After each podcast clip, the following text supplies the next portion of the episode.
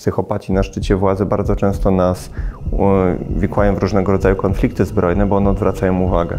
Dzięki tak skrajnie idiotycznym pomysłom Sasina, bo inaczej się nie da nazwać, inwestorzy po prostu boją się tutaj lokować w jakiekolwiek spółki. Moim zdaniem dolar będzie drożał do momentu, kiedy banki centralne znowu zaczną uruchamiać e, do dróg. Ostatnio Ukraina, w zasadzie władze Ukrainy stwierdziły, że będą aspirować o przyjęcie do NATO.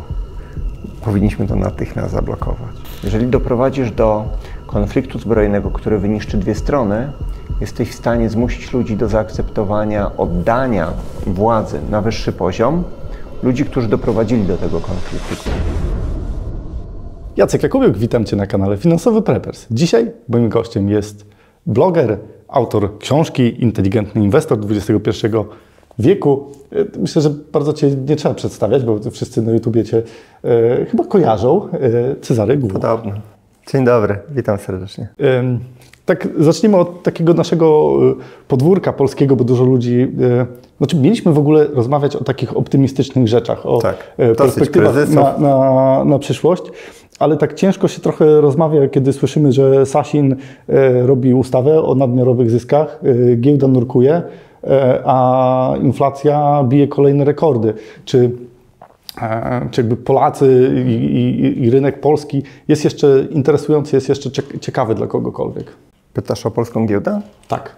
Tak, jest coraz ciekawsza, dlatego że dzięki temu, że osłabiła się tak znacząco złotówka, Dzięki tak skrajnie idiotycznym pomysłom Sasina, bo inaczej się nie da nazwać, inwestorzy po prostu boją się tutaj lokować w jakiekolwiek spółki. Sentyment mamy, jakie mamy. Banki centralne też wysysają płynność od rynków, które są uzależnione od tej płynności. Czyli patrz, zamiast dodrukowując, e, dodrukowywać, tak jak robiły przez lata, ściągają te pieniądze, podnoszą stopy procentowe na rynkach kapitałowych, które są uzależnione od zerowych stóp procentowych. No i efektem tego, efekt tego jest taki, że ETF przykładowo na polską giełdę w ujęciu dolarowym jest e, na najniższych poziomach od, od bardzo dawna. Jest najgorszym ETF-em ze wszystkich ETF-ów na, na poszczególne kraje.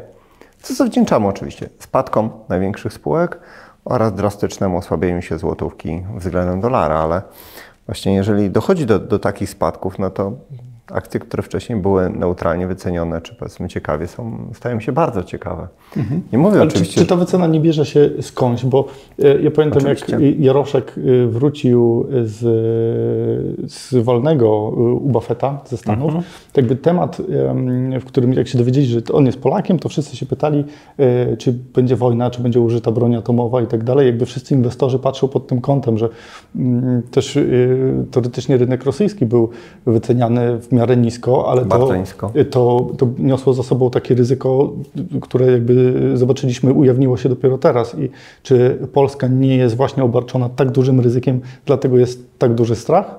Strach jest ogólnie w, wśród inwestorów globalnych w koło, w koło całej Europy. Ale włączając to in, e, rynek na przykład włoski i hiszpański. Hiszpańskie spółki są bardzo tanie, Ludzie się boją tam inwestować, no bo to, to jest hiszpański socjal i tak dalej. Tylko zapominają, że tam jest bardzo niska konkurencja, więc główne spółki mają albo pozycję zbliżoną do mono, monopolu, albo oligopolu, a i tak się globalni inwestorzy boją. We Włoszech jest bardzo podobna sytuacja.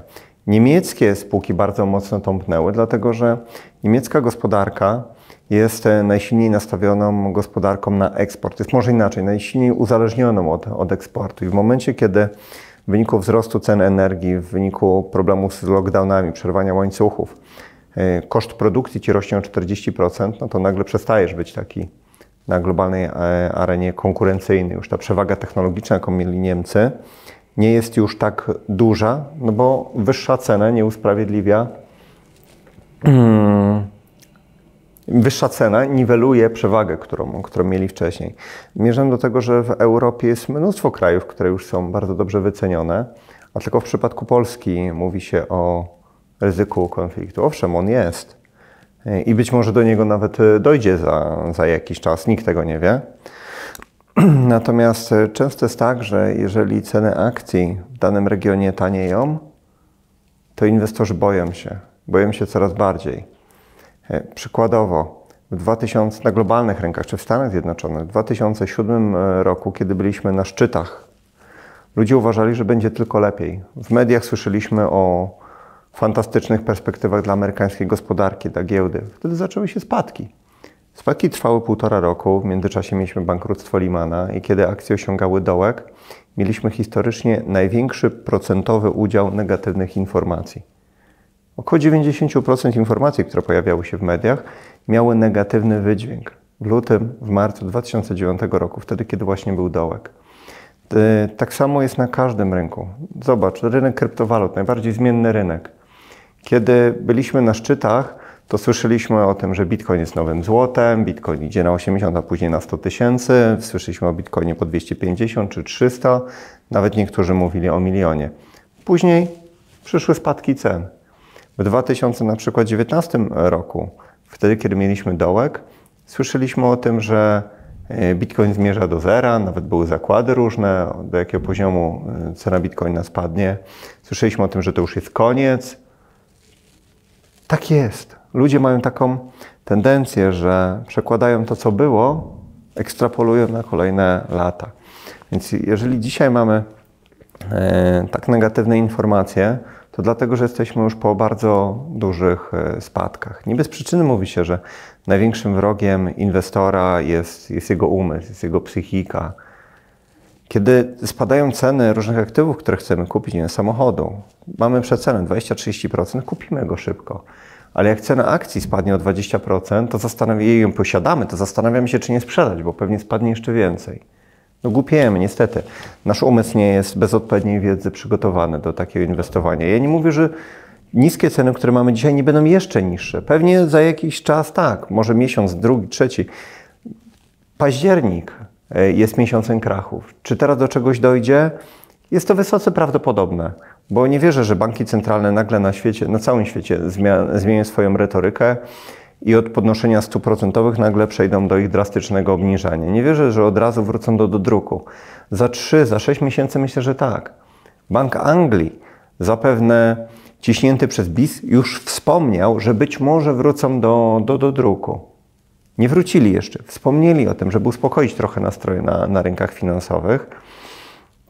E, ale moim zdaniem jeszcze te, te spadki troszkę potrwają, ale też zobacz, no, Mamy już dzisiaj mnóstwo atrakcyjnie wycenionych spółek, których ja jeszcze nie kupuję, bo czekam na zmianę polityki. Albo będę widział, że ten dodruk już jest rzeczywiście blisko, albo zaczną dodruk.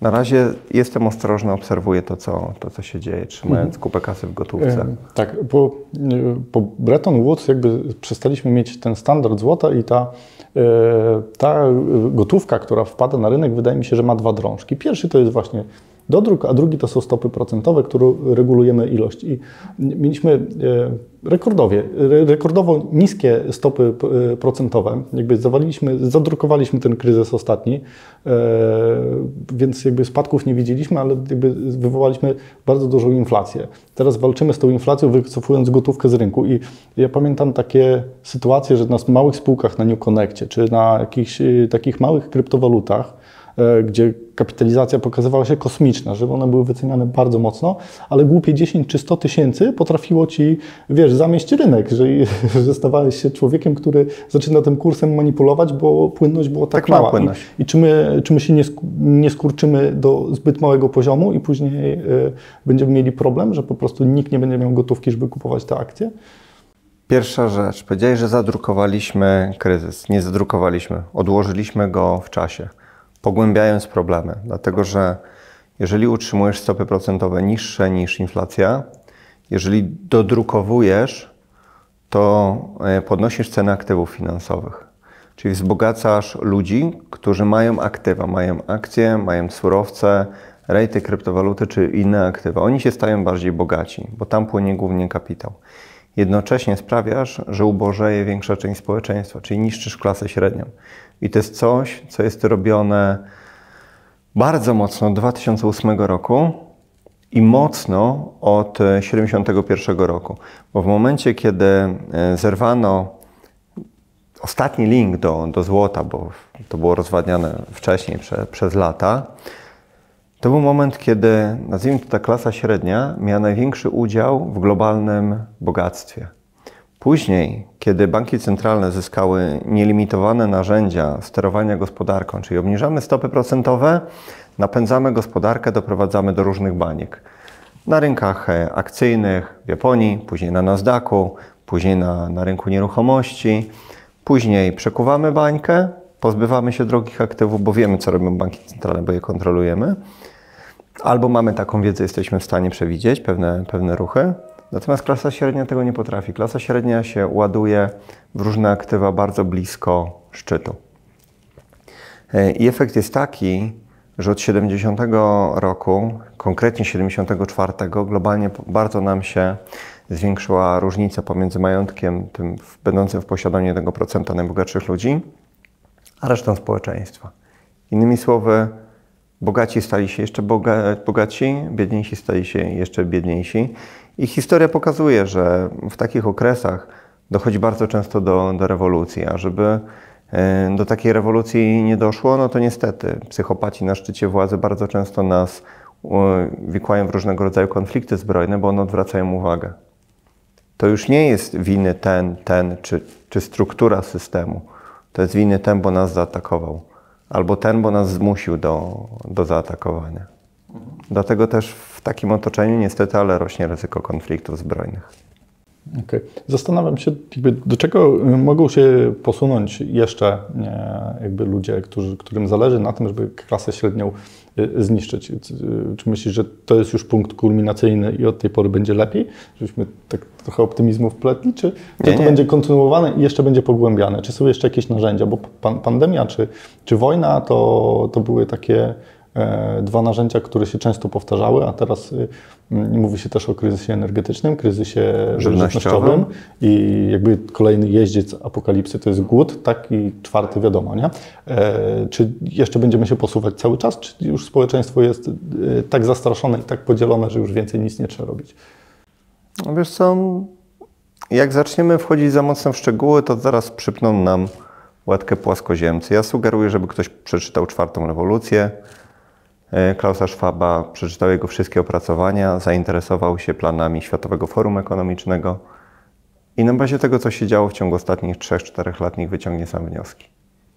Okej, okay. to szybko zmienimy temat, żeby e, nie było pesymistycznie. E, Ale to nie jest pesymistycznie. Z każdego kryzysu, jeżeli masz wiedzę, wychodzisz silniejszy.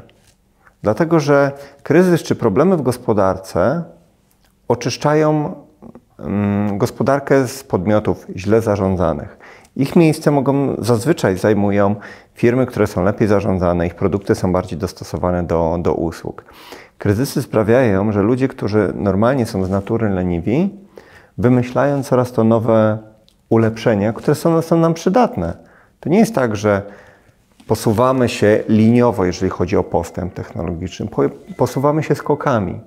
Wymyślamy prąd, kolej, nawozy i chwilę po tym mamy skok niesamowity gospodarczy.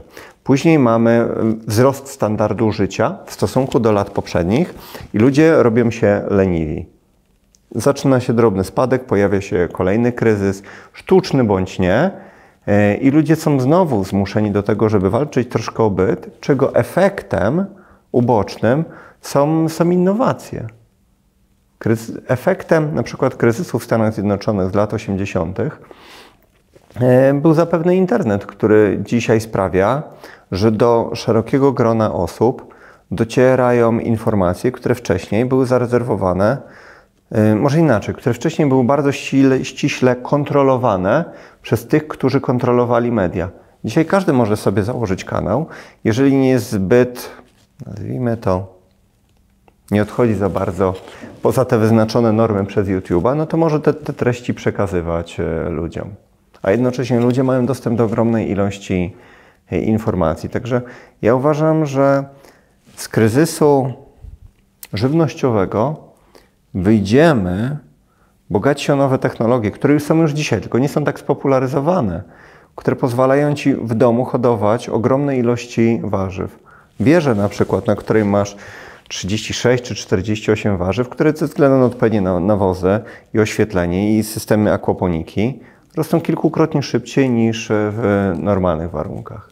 Mój kolega właśnie to testuje. Być może będę ja w swoim domu miał, miał także kilka podobnych rozwiązań. No, człowiek jest taką istotą, która zawsze znajduje jakieś rozwiązanie. Mhm. Mi się wydaje, że właśnie te miejsca po y, upadających przedsiębiorcach, czy właśnie te przekwalifikowanie u nas idzie trochę w inną stronę, bo rośnie nam y, machina urzędnicza i jest coraz więcej różnych regulacji. I, I to jest bardzo podatek, złe. Wchodzi podatek i wszystkie miejsca, które powinny być y, jakby tak wolnorynkowo y, jakby uzupełniane, no to idziemy w armię polityków, która ma nas jeszcze bardziej kontrolować, żebyśmy te wszystkie podatki jakby nie tylko płacili, prawda? Tak, są, są dwie takie rzeczy. To, co powiedziałeś właśnie jest bardzo smutne, że lukę zajmuje coraz bardziej sektor publiczny. Coś takiego jak, może Krzywarana, o ile dobrze pamiętam autora. E, on przebadał na bardzo długim okresie czasu chyba z 200 gospodarek. I gospodarki, w którym udział wydatków rządowych PKB był między poziomie, na poziomie między 10 a 15%, rozwijały się najszybciej. To były tygrysy azjatyckie, kilka krajów afrykańskich. Czemu akurat 10 a 15%? Jeżeli nie masz w ogóle rządu, to mamy anarchię, pra prawo silniejszego i zazwyczaj gospodarka się bardzo kiepsko rozwija, zazwyczaj się kurczy. To jest typowo wojenne otoczenie. Jeżeli mamy te 5 czy 10%, to znaczy, że państwo zajmuje się tym, czym musi się zajmować, czyli zapewnienie dobrych dróg, infrastruktury do przesyłu energii, może jakieś podstawowe szkolnictwo, sprawne sądownictwo, które jest kluczowe, Bezpieczeństwo wewnętrzne i zewnętrzne, czyli wojsko i, i policja, może straż pożarna. I tyle. Jeżeli bierze się państwo za coraz to kolejne sektory, to przejmuje miejsce, które powinno być zarezerwowane dla sektora prywatnego, który jest zarządzany przez specjalistów wybitnych, no bo jeżeli masz czterech specjalistów, każdy z nich zaczyna rozwijać firmę, to przebija się ten najlepszy, najskuteczniejszy, którego towary bądź usługi są oceniane przez rynek jako te najbardziej wartościowe na które warto wydać pieniądze. Natomiast w przypadku urzędników wszyscy wiemy, jak jest. Tak. Y, każdy był kiedyś y, pewnie w klinice prywatnej e, na jakąś typową usługę albo u dentysty nawet. I każdy był y, w, na NFZ, prawda? Więc y, można zobaczyć różnicę no, nawet na przykładzie dentysty albo takiej y, wizyty u lekarza rodzinnego, ale jakby... Ktoś od razu tutaj może się wtrącić, że przecież nie możesz mieć państwowej służby zdrowia, bo będziesz miał skrajnie drogą jak w Stanach Zjednoczonych, bo to jest skrajnie głupi, ale najczęściej przywoływany przykład. W Stanach Zjednoczonych masz skrajnie drogą medycynę, dlatego że tam masz kartel firm ubezpieczeniowych, powiązanych kapitałowo ze, ze szpitalami. Czyli o, sprzedajemy znaczy, skrajnie drogie ubezpieczenia. Składki na NFZ to y, też tanio nie wychodzi. Wychodzi pewnie drożej, bo się kupuje sprzęt za setki milionów, który nie jest później wykorzystywany do, do niczego. Ale na przykład w Szwajcarii masz całkowicie prywatną służbę zdrowia, i prywatne ubezpieczenia, które nie są drogie w porównaniu do siły nabywczej przeciętnego wynagrodzenia, dlatego że rząd robi to, co powinien, czyli dba o wysoką konkurencję. I w 9-milionowym kraju masz około 70 firm, w których możesz wykupić ubezpieczenie medyczne. 70.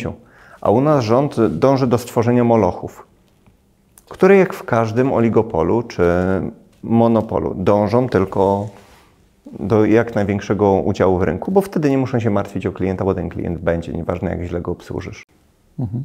Mieliśmy na kanale wywiad z panem Romanem Kluską i jakby wszystko jakby zazębia się w to samo. On też miał takie przeżycia e, dosyć ciekawe, jak ten system, e, zresztą historię Optimusa każdy, każdy, każdy kojarzy, więc jakby wszystko tak, w tak szybkim tempie postępuje, żeby i w tak niedobrą stronę to idzie.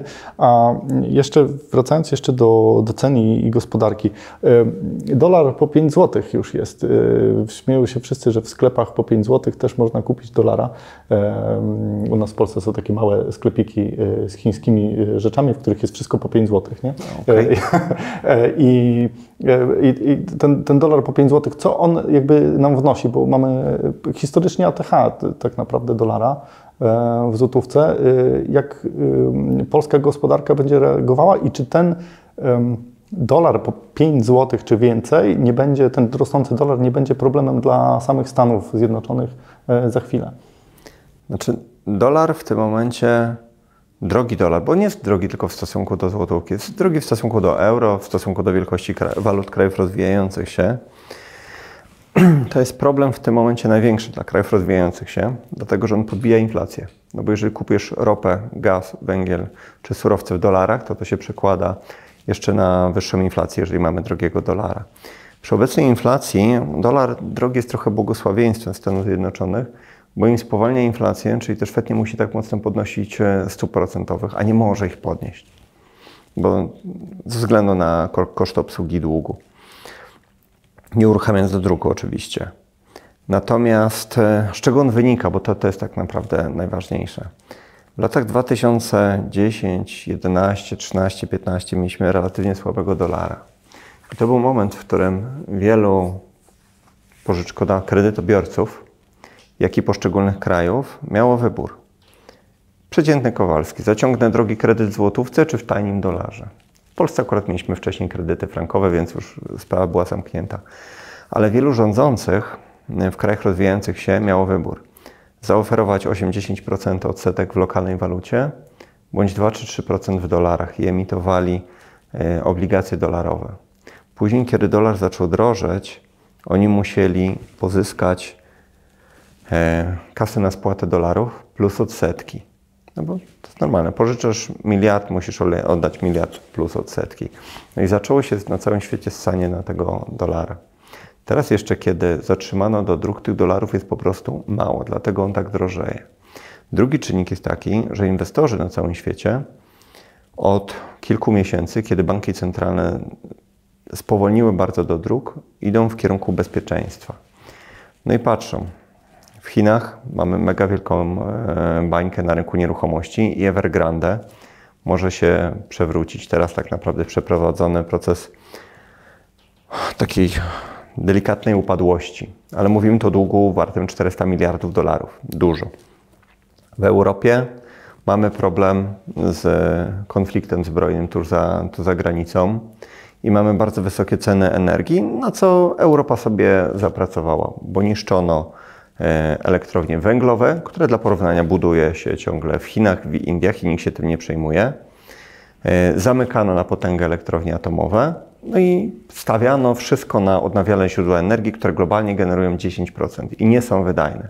I tego skutki dzisiaj odczuwamy, gdzie mamy bardzo wysokie ceny energii. Zmierzam do tego, że wysokimi cenami energii zażynasz europejską gospodarkę, więc globalni inwestorzy mają wybór. Lokować pieniądze w euro? Nie, bo wystarczy, że Włosi powiedzą, że wychodzą ze strefy euro, po to tylko, żeby zaszantażować Europejski Bank Centralny i euro leci znowu na łeb. W walutach krajów rozwijających? Nie, bo od nich ucieka kapitał, kiedy robi się niebezpiecznie, a jest niebezpiecznie. Mowa znowu o rynkach finansowych. I w automatyczny sposób kapitał napływa do, do drogiego dolara sprawiając, że on jest jeszcze droższy.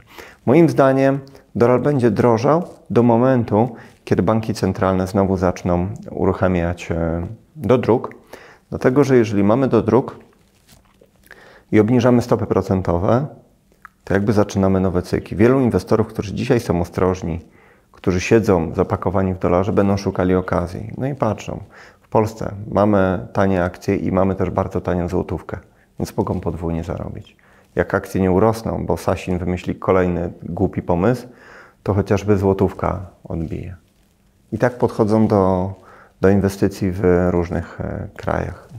Znaczy, to nie jest element takiej bitwy, bo y, mówiło się wcześniej, że Stany Zjednoczone i Chiny y, toczą między sobą wojnę o y, miano hegemona, tak? Czy Chiny I, próbują odebrać Stanom? I teraz jakoś, jakoś, tak, no, no, tam były sytuacje po 2008, że jakby Chiny skupowały obligacje Stanów, były takie pewne ruchy, w których, e, które gdzieś e, miały do tego przesłanki. E, a wydaje mi się, że po konflikcie z Rosją troszeczkę się zmieniło, bo jakby wszyscy nakładają nas sankcje na Rosję, wszyscy jakby um, pokazują jakby nawet kosztem jakby swoich gospodarek, swoich, e, swojego dobra e, chcą się jakby zintegrować z Ukrainą, że, że to co robi Rosja jest źle, a Chiny cały czas handlują z Rosją, nie mają z tym problemu i robił biznes. Jak teraz wygląda jakby pozycja Chin? Czy, y, czy Chiny jeszcze aspirują do tego, żeby mieć coś do powiedzenia, czy Chiny już jakby, tak jak mówiłeś, mają e, parę baniek, które są tam e, już na, na skraju pęknięcia i zaraz e, Chiny też się posypią. Znaczy pierwsza rzecz, nie cały świat nie wszyscy nakładają sankcje, bo jakbyś wziął pod uwagę chociażby populację, no to Stany Zjednoczone tak, 300 milionów osób, Europa 500, Australia, Japonia, Kanada, czyli wasale Stanów Zjednoczonych, kolejne 100 milionów osób. Ale po drugiej stronie mamy Chiny i Indie, 3 miliardy. I ani Chiny, ani Indie nie nałożyły e, żadnych sankcji, plus mamy mnóstwo innych krajów, które się do sankcji nie przyłączyły. Rosja generalnie e, dostała bardzo mocno po dupie w wyniku sankcji, ale to wzmocniło bardzo Chiny. Dlatego, że jeżeli Rosja nie może sprzedawać e, na zachód swoich surowców, to zostaje im mniejsza grupa klientów, między innymi Chiny. A Chiny mogą powiedzieć wprost, słuchajcie, no, rynkowa cena ropy jest 80, ale i takiej nie sprzedacie po 80 dalej, więc my za nią zapłacimy 65. I w ten sposób Chińczycy wygrywają. Też to nie jest tak, że Rosja nagle może przełączyć, zamknąć, nie wiem, Nord Stream czy, czy wcześniejsze drogi sprzedaży i sprzedać wszystko na, e, do Chin, dlatego że tam nie ma infrastruktury. Część surowców może sprzedać, ale część nie, więc tak naprawdę dla Chin ten konflikt powiedziałbym, że jest trochę na rękę, bo wpycha Rosję w ręce Chin. Rosja musi szukać w tym momencie sojuszników, więc Chiny mogą negocjować z Rosją na, na dużo lepszych warunkach. Okay. Natomiast stawianie takie po jednej stronie, takie zero-jedynkowe, uważam, że jest delikatnie mówiąc nietrafione.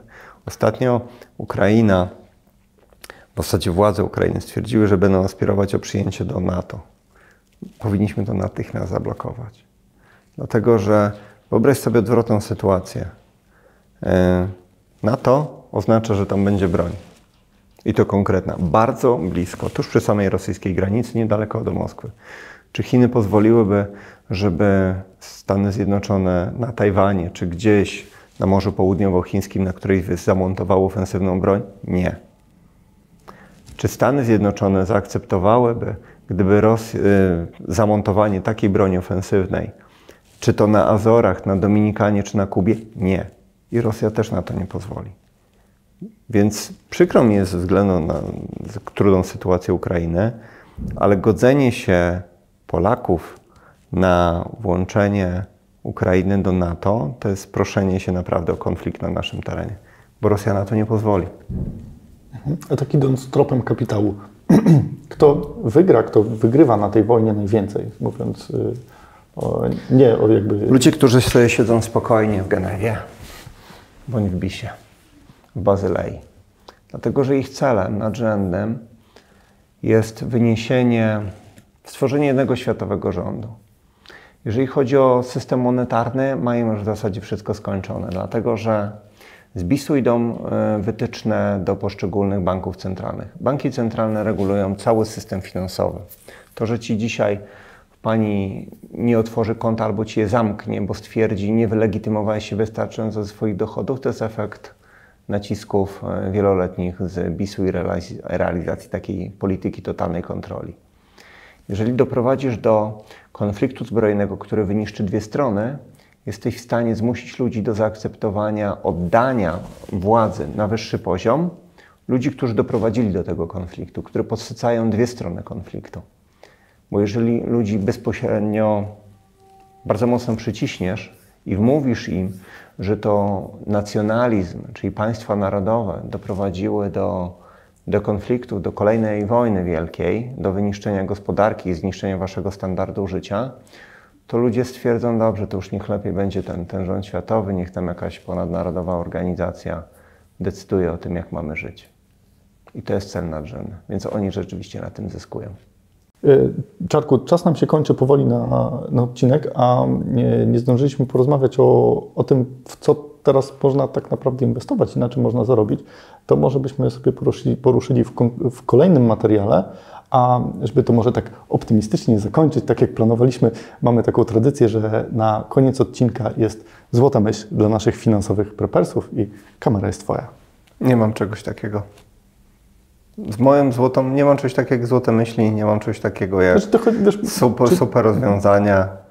Po prostu, jeżeli jesteś optymistyczną osobą, fajnie patrzącą w przyszłość, pozytywnie. Jeżeli jesteś zadowolony z tego, co masz i jesteś na tyle pracowity, żeby poszerzać swoje horyzonty na, grupie, na gruncie zdrowia, na gruncie finansów, to się nie przejmujesz czymś takim, że słyszysz tu kryzys, tam kryzys, bo działasz zawczasu.